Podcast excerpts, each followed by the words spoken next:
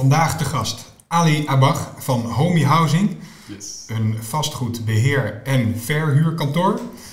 Leuk dat je er bent. Dankjewel, Dirk. Voornamelijk gericht op de Randstad Ja, en dan misschien wel voor 70% Den Haag. ja, we zijn echt begonnen in Den Haag en eh, dus we vinden het vooral heel fijn om, om, om ons ook daarin te focussen. We, we hebben onze meeste woningen in Den Haag en dan hebben we wat uitschieters in Rotterdam en, in, en, en daartussenin eigenlijk. Ik heb jou uitgenodigd omdat ik heb hier verschillende vastgoedbeleggers aan tafel gehad. En steeds kwam jouw naam naar voren. Ja, Niet iedere keer, maar wel vaak. En ik dacht, het is goed om jou eens uit te nodigen. ja, Want Homey Housing, een jong bedrijf ja. Van jou, wat enorm aan de weg aan het timmeren is. Ja, klopt. Ja, van mij en Jelt inderdaad, mijn compagnon. Daarmee heb ik samen eh, op school gezeten. En eh, ja, we zijn lekker hard aan het groeien. Het heeft wel even geduurd, maar inmiddels eh, wordt er toch wel gemerkt dat onze manier van beheren ook wel heel goed kan werken. We gaan het zo hebben over welke vorm van beheer jullie precies ehm, doen. Ja. Maar hoe zijn jullie begonnen? Ehm, ik probeer de korte versie. maar eh, ik was aan het afstuderen. Ik studeerde commerciële economie samen met Jelte, waarmee ik nu alles doe. Ehm, en we zaten op de Haagse Hogeschool en ik was een beetje voor mezelf aan het bepalen van wat wil ik nou doen. En ik vond vastgoed altijd wel heel interessant, maar vanuit mijn perspectief was het altijd een beetje een gesloten wereld, had ik het gevoel. Ehm, en toen zag ik een keer op het nieuws dat er in Amsterdam een sleutelbedrijf was, wat shortstay appartementjes vuurde via Airbnb. Die kreeg een megaboete, wat overigens een paar jaar later werd eh, kwijtgescholden. En toen dacht ik, lijkt me eigenlijk wel heel tof om te doen. En je kunt het voor particuliere eigenaren doen, dus dan ligt de drempel eh, ook wel heel laag. En ik ging een beetje kijken van, wordt dat nou ook in Den Haag gedaan? En dat viel nog wel mee. Dus toen heeft een ander klasgenootje mij geholpen met een eh, hele goede website. En ehm, dat heeft toen eigenlijk een beetje in de ijskast gestaan, want ik ben aan een pre-master begonnen, ook samen met Jelte en twee andere klasgenootjes. Ik heb hem toen niet gehaald, Jelte is netjes doorgegaan. En toen had ik zoiets van, eh, ik moet nu wel even eh, bepalen wat ik wil. Ehm, en toen heb ik besloten, nou dan gaan we vol aan de slag met B&B-hulp. En eigenlijk, eh, dat was een beetje rond oktober, november 2017. En eigenlijk de komende zomer daarna hebben we onze eerste huisjes mogen onboarden als het ware. En het idee was toen, jij gaat een paar weken op vakantie bijvoorbeeld. je bent drie weekjes weg en je geeft ons de sleutel. Wij zorgen ervoor dat die verhuurd wordt, op Airbnb, st- Airbnb staat, foto's gemaakt, schoongemaakt. En dan heb je nog wat, een leuk zakcentje terwijl je op vakantie bent. Dat ging eigenlijk wel heel goed, alleen op een gegeven moment veranderde de regelgeving en, en sociaal-juridisch werd het een beetje een, een no-go om dat nog te doen. Dus in één keer waar je een ontzettend leuk concept eigenlijk had, Ja, werd er daar in één keer een streep doorgezet. Klopt, dus dat, eh, wat ik heb geleerd is, tot nu toe is dat er altijd wel dingen blijven veranderen. Dus je moet niet ervan uitgaan dat je jaar, jaar in jaar uit hetzelfde kunt blijven doen. Dus Dat heeft ook wel een beetje met ondernemen te maken. ja, klopt. En dat maakt het ook wel zo leuk, want anders eh, is, is iedere dag hetzelfde. Dus ik zag dit een beetje aankomen. Dus op de achtergrond waren we inmiddels ook bezig om te kijken naar hoe kunnen we dat beheer van woningen, want dat was het eigenlijk. Maar ik wist niet dat ik aan het beheren was. Maar hoe kunnen we dat nou vormgieten in een wat duurzamere manier? En zo kwamen we in gesprek met de Haagse Hogeschool bijvoorbeeld. En zijn we een samenwerking gestart onder Homey Housing.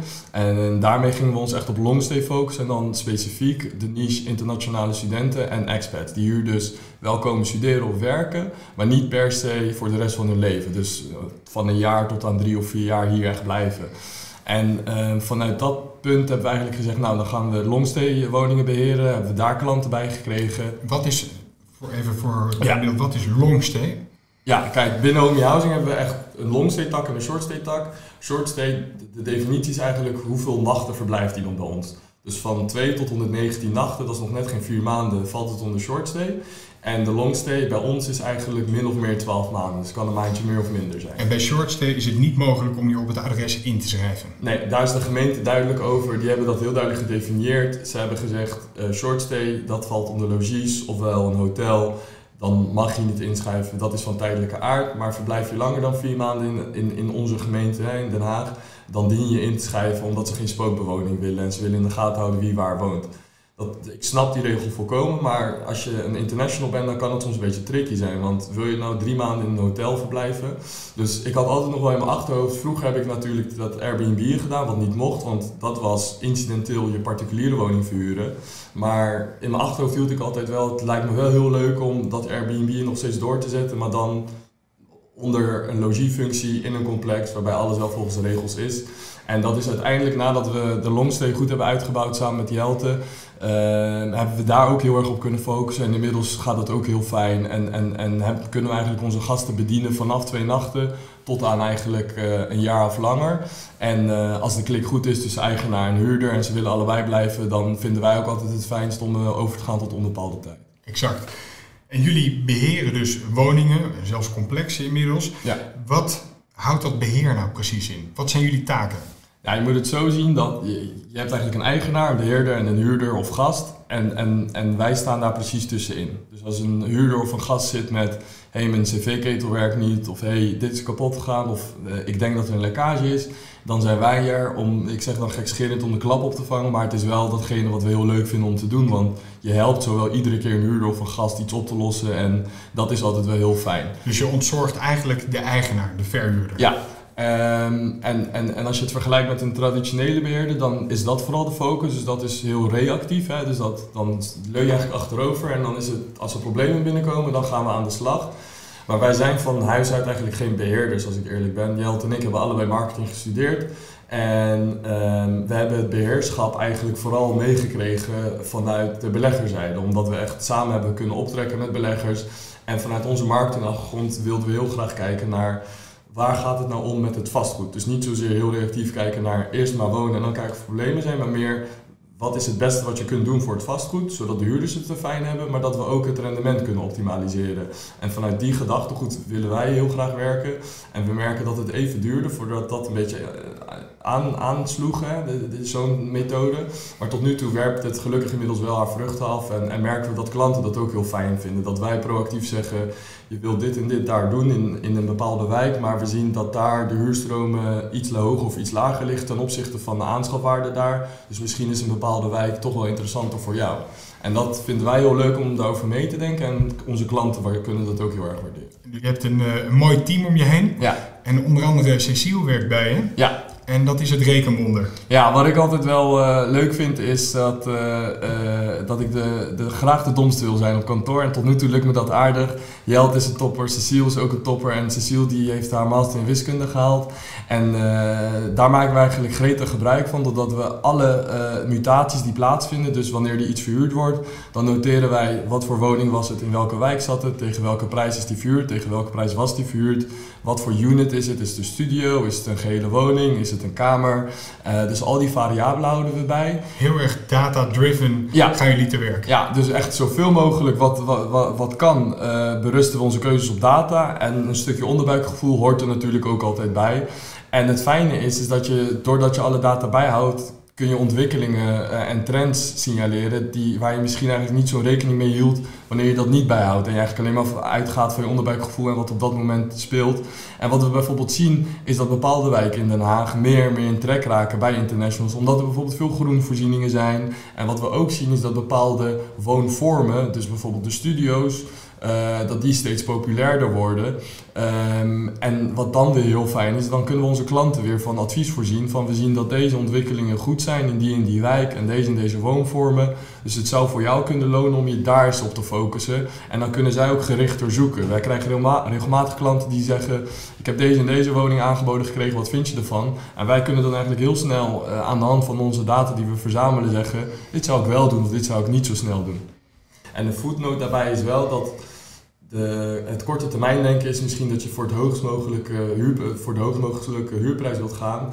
Maar eigenlijk heb je jezelf daarmee alleen op de lange termijn. Wat wij vooral heel erg merken, dat er een spanningsboog is tussen wat een huurder bereid is om te betalen om fijn te blijven en ook niet om weg te willen gaan. En waar een eigenaar content mee is. En daar proberen wij heel erg tussen te staan.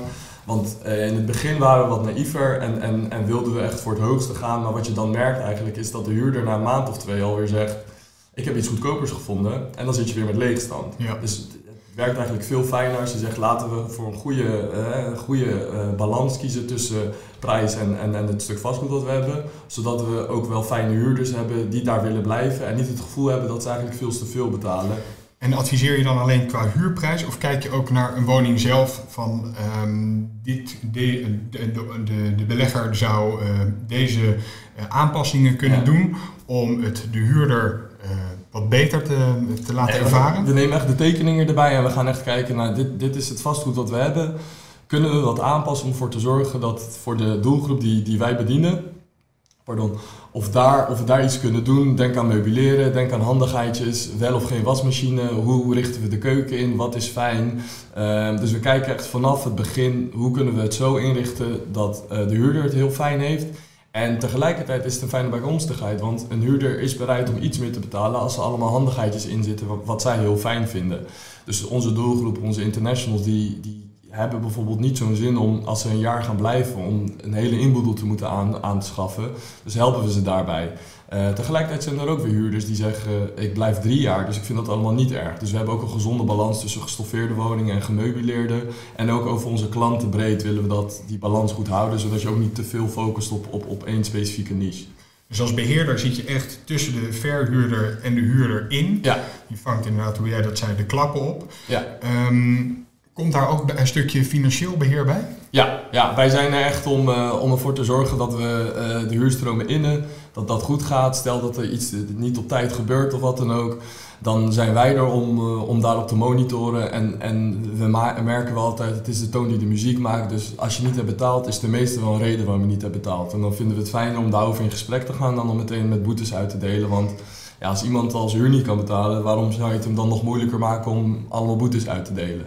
En we merken ook dat zo'n aanpak veel fijner werkt en dat huurders dat eigenlijk niet verwachten. En dat je daardoor bijvoorbeeld in corona, kijk wij beheren ook voor jou, in corona merkte je dat je met veel betalingsregelingen moest komen met de huurders. En dat er daardoor best veel huurders zijn gebleven, omdat ze het waardeerden dat we toen geduldig waren met ze, toch wat kortingen uh, gegeven. En als het weer beter gaat, dat, we dan weer, dat het dan weer goed kan gaan. Want de eigenaar staat uiteindelijk ook niet op te wachten om, uh, om een lege woning te hebben die weer opnieuw verhuurd moet worden. Klopt. Je bent ook afhankelijk van de seizoenen met onder andere studentenverhuur, ja. wanneer de studenten aankomen en ja. uh, weer weggaan. Um, je leest in de kranten, je hoort op het nieuws dat er enorm tekort is aan uh, sowieso huisvesting. Ja. Maar als we dan kijken naar die niche studentenhuisvesting, um, hoe, hoe, los je, hoe probeer je dat zo eh, goed mogelijk op te lossen? Ja, ik vind het echt heel jammer, omdat uh, in de zomer wil ik altijd een beetje bijspringen met de bezichtiging, omdat het gewoon wat je zegt, dan is het zo druk met, uh, met nieuwe internationale studenten en ook Nederlandse studenten die, die op zoek zijn naar een kamer. Dus dan is het echt, iedereen moet aan de slag om ervoor te zorgen dat we die studenten zo goed als mogelijk kunnen huisvesten. Um, een goed voorbeeld van wat wij doen is uh, in het begin uh, deden we vooral ook uh, in die Facebookgroepen adverteren, dat we kamerstuur hadden. En ik kwam dan wel eens advertenties tegen van dat er gehospiteerd werd, maar dat er in hoofdletters stond eigenlijk no internationals. Om, en en ik, ja, ik kan daarin meegaan. misschien vind je het fijner dat iemand niet een jaar blijft en dan weer weggaat. Dan wil je echt een band met iemand ontwikkelen. Dus dat, ik, kan, ik kan dat snappen tot op bepaalde hoogte, maar het is natuurlijk wel heel jammer voor die internationals. En bij ons is het uh, zo eerlijk als mogelijk, first come, first serve. Dus dat betekent dat het maakt niet uit of je Engels, Nederlands of waar je ook vandaan bent. Als je studeert en je hebt uh, je bewijs van inschrijving, dan willen wij je echt verder helpen. Maar wat wel jammer is, afgelopen zomer was echt voor het eerst volgens mij dat we hebben gemerkt dat er internationals weer terug naar hun eigen land zijn gegaan, omdat ze dus geen huisvesting hebben kunnen vinden. Dat is wel heel zuur. Ja, wat ik daarbij wel heel jammer vind is, de gemeente heeft besloten om terug te gaan van maximaal drie inwoners naar twee. En daarin hebben ze het voorbeeld gevolgd van Rotterdam en Utrecht, die dat een paar jaar geleden hebben doorgevoerd. Gelukkig heeft Rotterdam en ook Utrecht volgens mij inmiddels besloten in hun nieuwe coalitieakkoord om het weer naar drie terug te brengen. Dus ik hoop dat Den Haag spoedig zal volgen. Maar je ziet gewoon dat het aantal studenten neemt toe. En uh, de kamervoorraad is opeens uh, met een derde afgenomen, als het ware. Ja, en dat dus dat is een van de, van de aangescherpte regels eigenlijk uh, ja. vanuit de, de, gemeente Den Haag. Maar het is ook landelijk op een gegeven moment gegaan dat kamerbewoning um, ja, moet worden beperkt of ja. ingeperkt.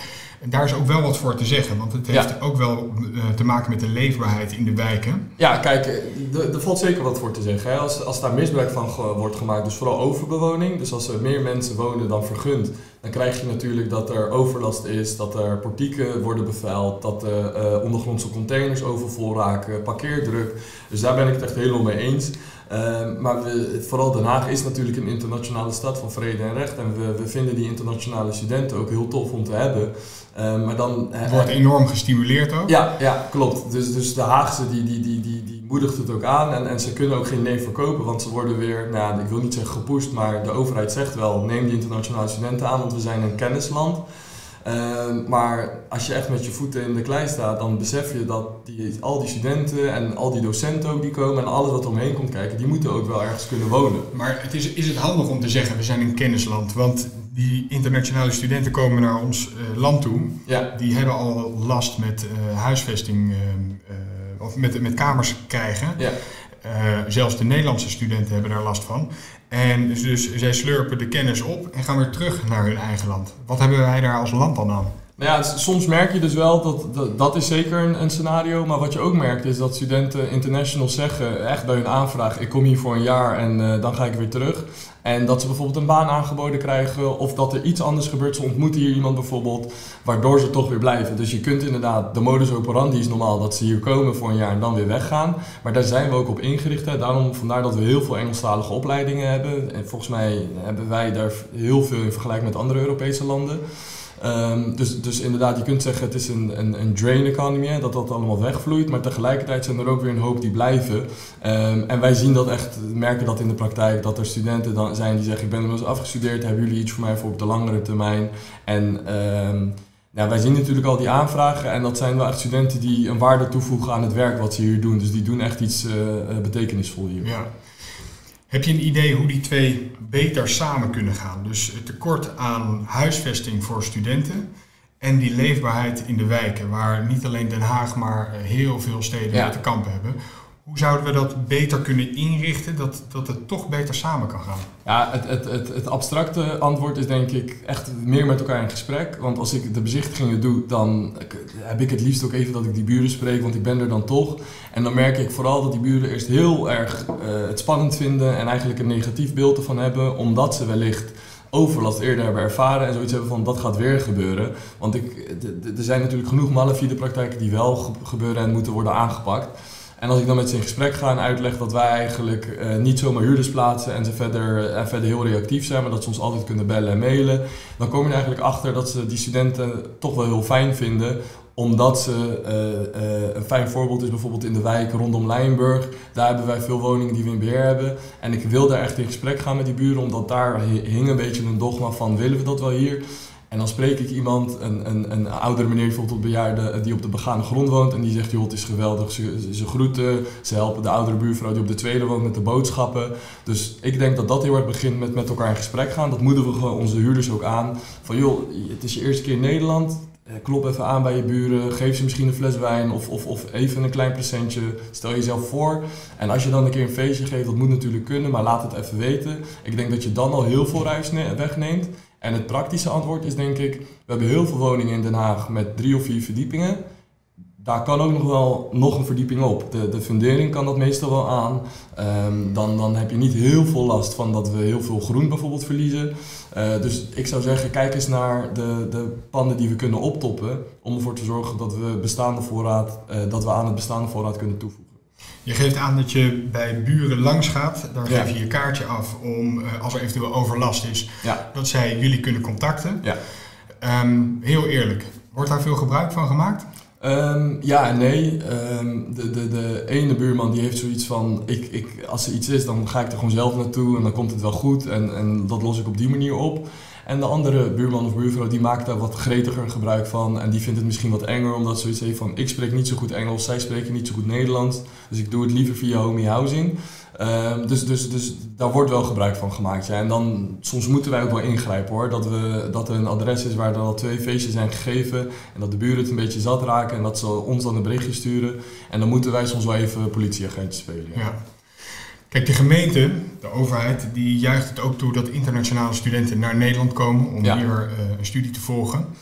Uh, ook om Nederland op de kaart te zetten. Ja. Maar ik denk dat het juist averechts werkt als hier iemand naartoe komt vanuit het buitenland om te gaan studeren, kan niet op tijd huisvesting krijgen en moet daarom weer terug. Ja, dat, want dat gaat hij natuurlijk aan zijn vrienden en vriendinnen vertellen Precies. in het thuisland. Hoe zou de overheid daar iets in kunnen betekenen dat dat voorkomen wordt? Dat ze terug Misschien niet ineens de overheid, maar ook de hogescholen, universiteiten. Maar bedoel je dat ze dan huisvesting toch wel krijgen of dat ze überhaupt in ieder geval niet teruggaan? Of dat ze misschien niet eens komen, dat ze van tevoren al worden gewaarschuwd. Ja, ik denk dat je daar een beetje het dilemma zit tussen wiens, wat, wie wie welke verantwoordelijkheid heeft. Want je zit weer met onderwijsinstellingen die niet per se nee kunnen verkopen aan studenten, omdat ze uh, eigenlijk de plicht hebben vanuit de overheid om onderwijs aan te bieden. En tegelijkertijd um, kunnen zij ook weer niet garanderen dat ze huisvesting kunnen aanbieden. De Haagse Hogeschool heeft bijvoorbeeld x aantal woningen die ze gegarandeerd afnemen. En die Via zit, Duo loopt dat? Ja, exact. En volgens mij een paar andere aanbieders. En, en, en die zitten dan altijd vol. En dan komen wij ter sprake wanneer er een overvloed is aan studenten. Zodat wij ze kunnen helpen. Alleen, dat is ook weer geen garantie voor de Haagse. Dus ze, ze, ze doen echt hun stinkende best om die studenten te helpen. Maar ze moeten ze en aannemen en ze hebben niet alle middelen om ervoor te zorgen dat ze gegarandeerd gehuisvest kunnen worden. Uh, maar ik denk dat dat nu een, een, een, maatschappelijk breed probleem is. Want als het niet studenten zijn die niet gehuisvest kunnen worden, dan zijn het wel starters en anders zijn het wel uh, asielzoekers. Dus de, de, die woningen zijn nu gewoon heel schaars. En ik denk niet dat je dat heel snel opgelost kunt krijgen. Maar het is natuurlijk wel jammer als student dat het je heel leuk lijkt om een Absoluut. jaartje in Nederland te studeren en dat je dan eigenlijk met een sip gezicht terug moet omdat je geen kamer hebt kunnen vinden. Als beheerder vangen jullie dus de klappen op. Kan je een gek voorbeeld geven van de klappen die jullie dan opvangen? Ja, Wat maak je mee als beheerder? Want volgens mij, je staat echt in het veld. Ja. Wat kom je allemaal tegen? Ja, wat, wat, wat altijd wel uh, hectisch is, is in de zomer. Omdat het dan gewoon heel erg druk is. Heel veel uh, uh, mensen die, die willen huren. Um, en wat, wat ik altijd wel jammer vind om mee te maken, um, dan doe ik zo'n bezichtiging en dan is het echt heel druk. Denk aan tientallen mensen en dan zijn er drie kamers te vuren. Dus dan weet je al in je achterhoofd, van al deze mensen kunnen we er maar drie blij maken. En waar ik altijd dan een beetje van schrik, zijn de vragen die, die, die huurders eigenlijk heel naïef stellen, namelijk mag ik me inschrijven? En dan denk ik al, luister eens, het is verplicht om je in te schrijven in iedere kamer waar je woont. En moet ik dan daarvoor geld betalen? En dan denk ik ook, nee, natuurlijk hoef je daar geen geld voor te betalen. Maar dat zijn ze dan gewend van, van eerdere kamers waar ze in zaten.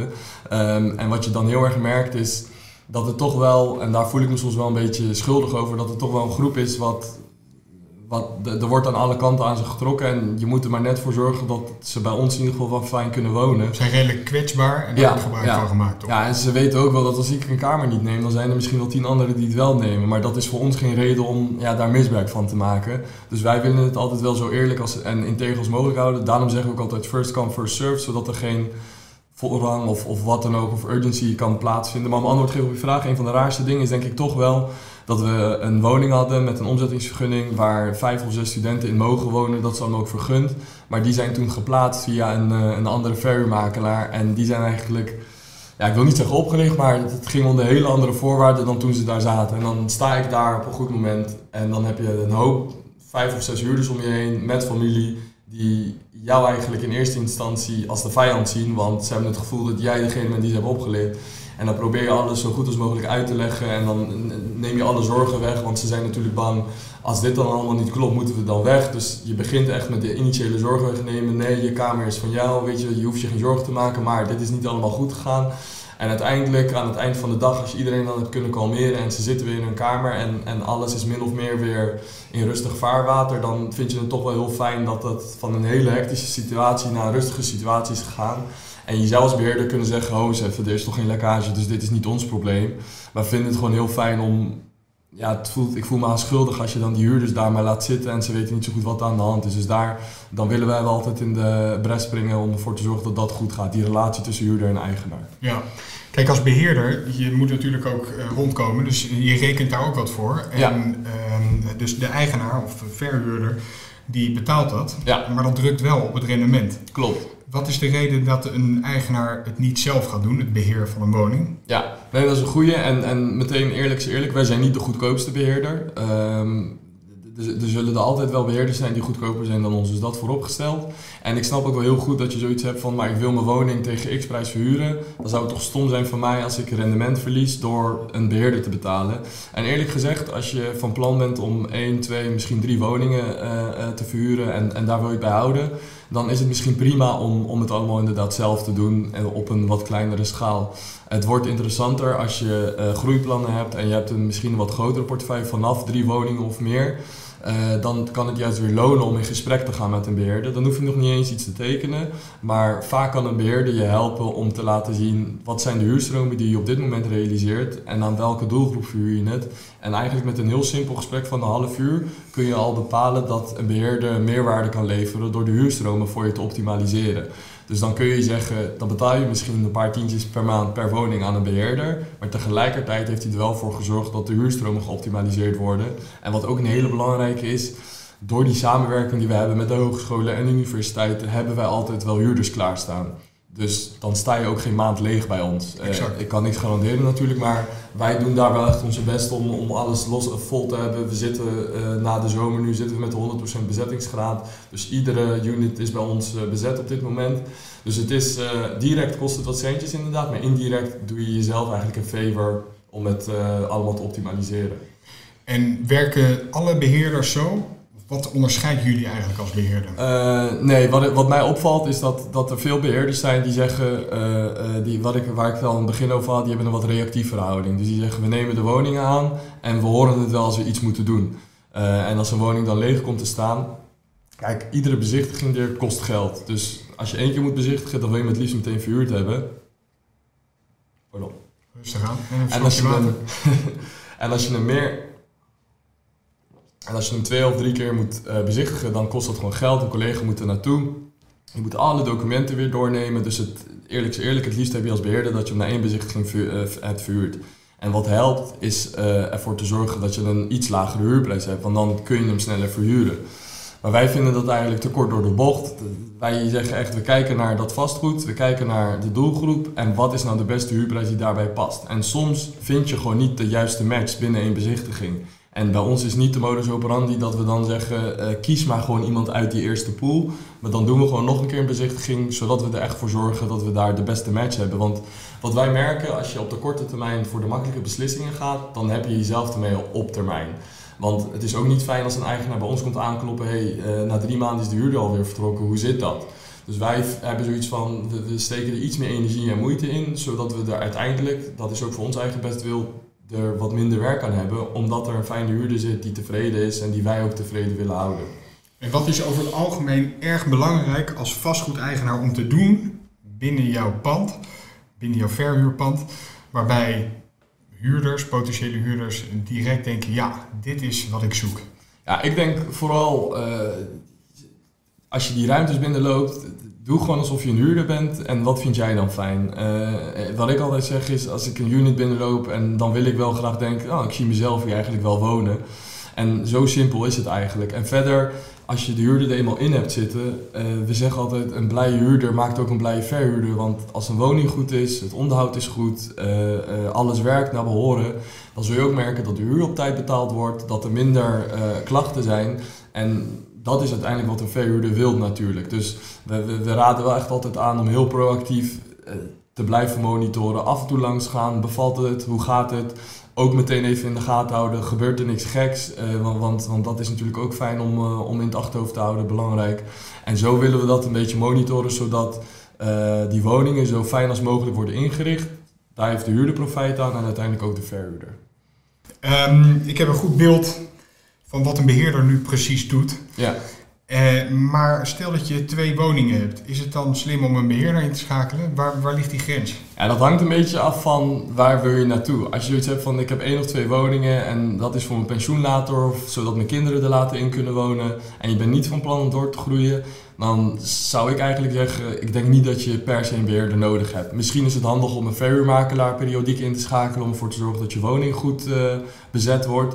Uh, maar het is niet zo dat een beheerder altijd werkt en altijd de beste oplossing is. Dus uh, misschien snij ik mezelf dan in de vingers, maar je hebt niet altijd een beheerder nodig. Zodra je uh, echt groeiambities hebt en groeiplannen en je bent eigenlijk benieuwd naar de onderliggende redenen, de, de bewegingen in die markt, de ontwikkelingen, sociaal-juridisch, wat gaat de gemeentebeleid doen, um, en je wilt doorgroeien in het aantal panden, dan kan een beheerder juist echt van toegevoegde waarde zijn, omdat jij kunt je dan druk maken op groei en acquisitie en uh, de beheerder kan er dan voor zorgen dat de continuïteit gewaar, gewaarborgd wordt. Wij, wij blijven op de hoogte van die regels. Als er veranderingen zijn, bijvoorbeeld dat, dat wanneer we van 3 naar 2 gingen in aantal bewoners, er zijn niet zoveel eigenaren die weten dat het een overgangsregeling is. Dat betekent dat als je voordat de regel uh, in stand, tot stand kwam en je vuurde al aan 3, dan mag je dat doorgaan zolang het in dezelfde hoedanigheid is. En ja, je business case kan echt ja, toch wel schade uh, ondervinden wanneer je opeens 33% minder rendement hebt omdat je nu van 3 naar 2 uh, huurders bent gegaan. Dus wanneer je echt erin staat om te groeien en, en, en je wilt dit serieus aanpakken, dan is het juist heel goed om een beheerder in te schakelen. Want dan kun jij focussen op groei en dan kan de beheerder ervoor zorgen dat alles wat je aanlevert continu verhuurd is en eigenlijk ook in, in onderhoud en, en, en, en kwaliteit gewaarborgd wordt. Ja. En tot slot, een advies voor een vastgoedbelegger?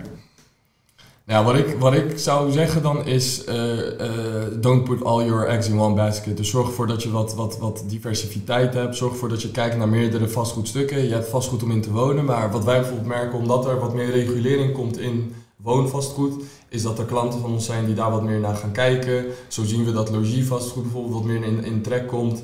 We zien ook dat uh, klanten zeggen, ik wil wat meer winkels erbij, om ervoor te zorgen dat we het eigenlijk een gezonde balans hebben daarin. Want als ik het mag vragen, Dirk, hoe was het voor jou toen jullie op moment besloten van is het niet handig om eens te gaan kijken naar logievastgoed? En, want het is natuurlijk vastgoed, maar het is weer een hele andere tak van sport. Het moet geëxporteerd worden, je zit met gasten. Vond je dat niet spannend? Of? Uh, zeker wel, alleen op een gegeven moment kwam er ook een mogelijkheid om dat uh, te financieren bij de bank. En uh, dat was bij de NIBC. Die mogelijkheid was er een tijd niet ja. bij verschillende banken en nu was dat wel weer mogelijk. Um, dus dat leek ons interessant. Maar goed, dat was ook voor ons een hele ja, nieuwe, nieuwe ja. onderneming. Hoe vlieg je dat aan? We zijn ook met de verbouwing. Um, moet je met dingen rekening houden. Ja, met brandveiligheid natuurlijk veel meer. En, en door, uh, rook, uh, alles wat doorgemeld moet worden inderdaad. En dat is echt ongekend als je dat van tevoren niet weet ja. en niet begroot. Ja. Uh, maar uiteindelijk gaandeweg, je, je schakelt jongens in die, die daar echt verstand van hebben.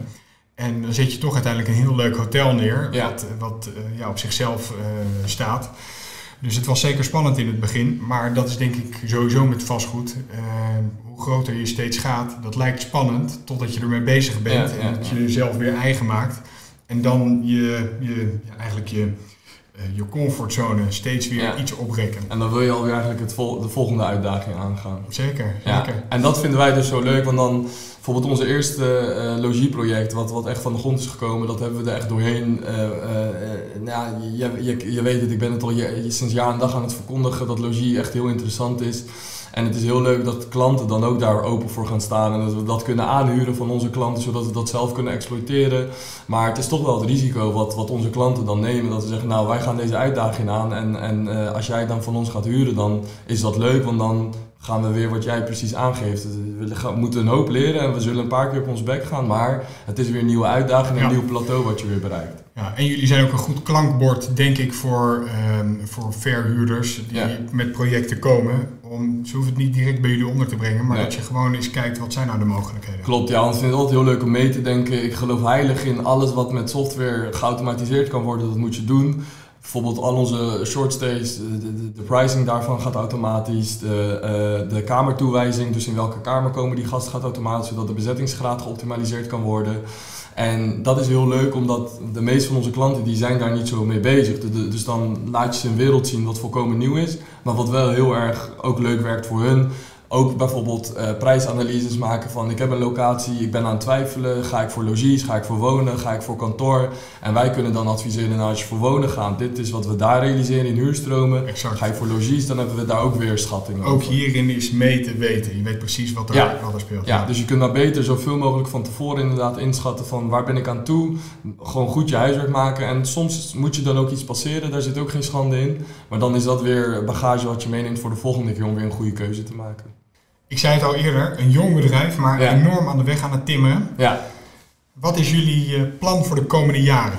Ja, wat mij een hele toffe uitdaging lijkt, is om sowieso uh, te blijven groeien. Want we zien dat de afgelopen jaren heeft het ons heel veel moeite gekost om eigenlijk het woord te verkondigen. Dat een beheerder hoeft niet altijd maar goedkoop te zijn, maar je hebt juist veel meer aan een uh, beheerder die met je meedenkt. Vanuit onze marketingachtergrond kijken we ook heel erg naar wat, waar heeft de markt behoefte aan, hoe kunnen we alles optimaliseren. En we zien dat dat nu aan populariteit wint. Dus ik zou heel graag willen doorgroeien naar die, die duizend units. We zitten nu op een paar honderd.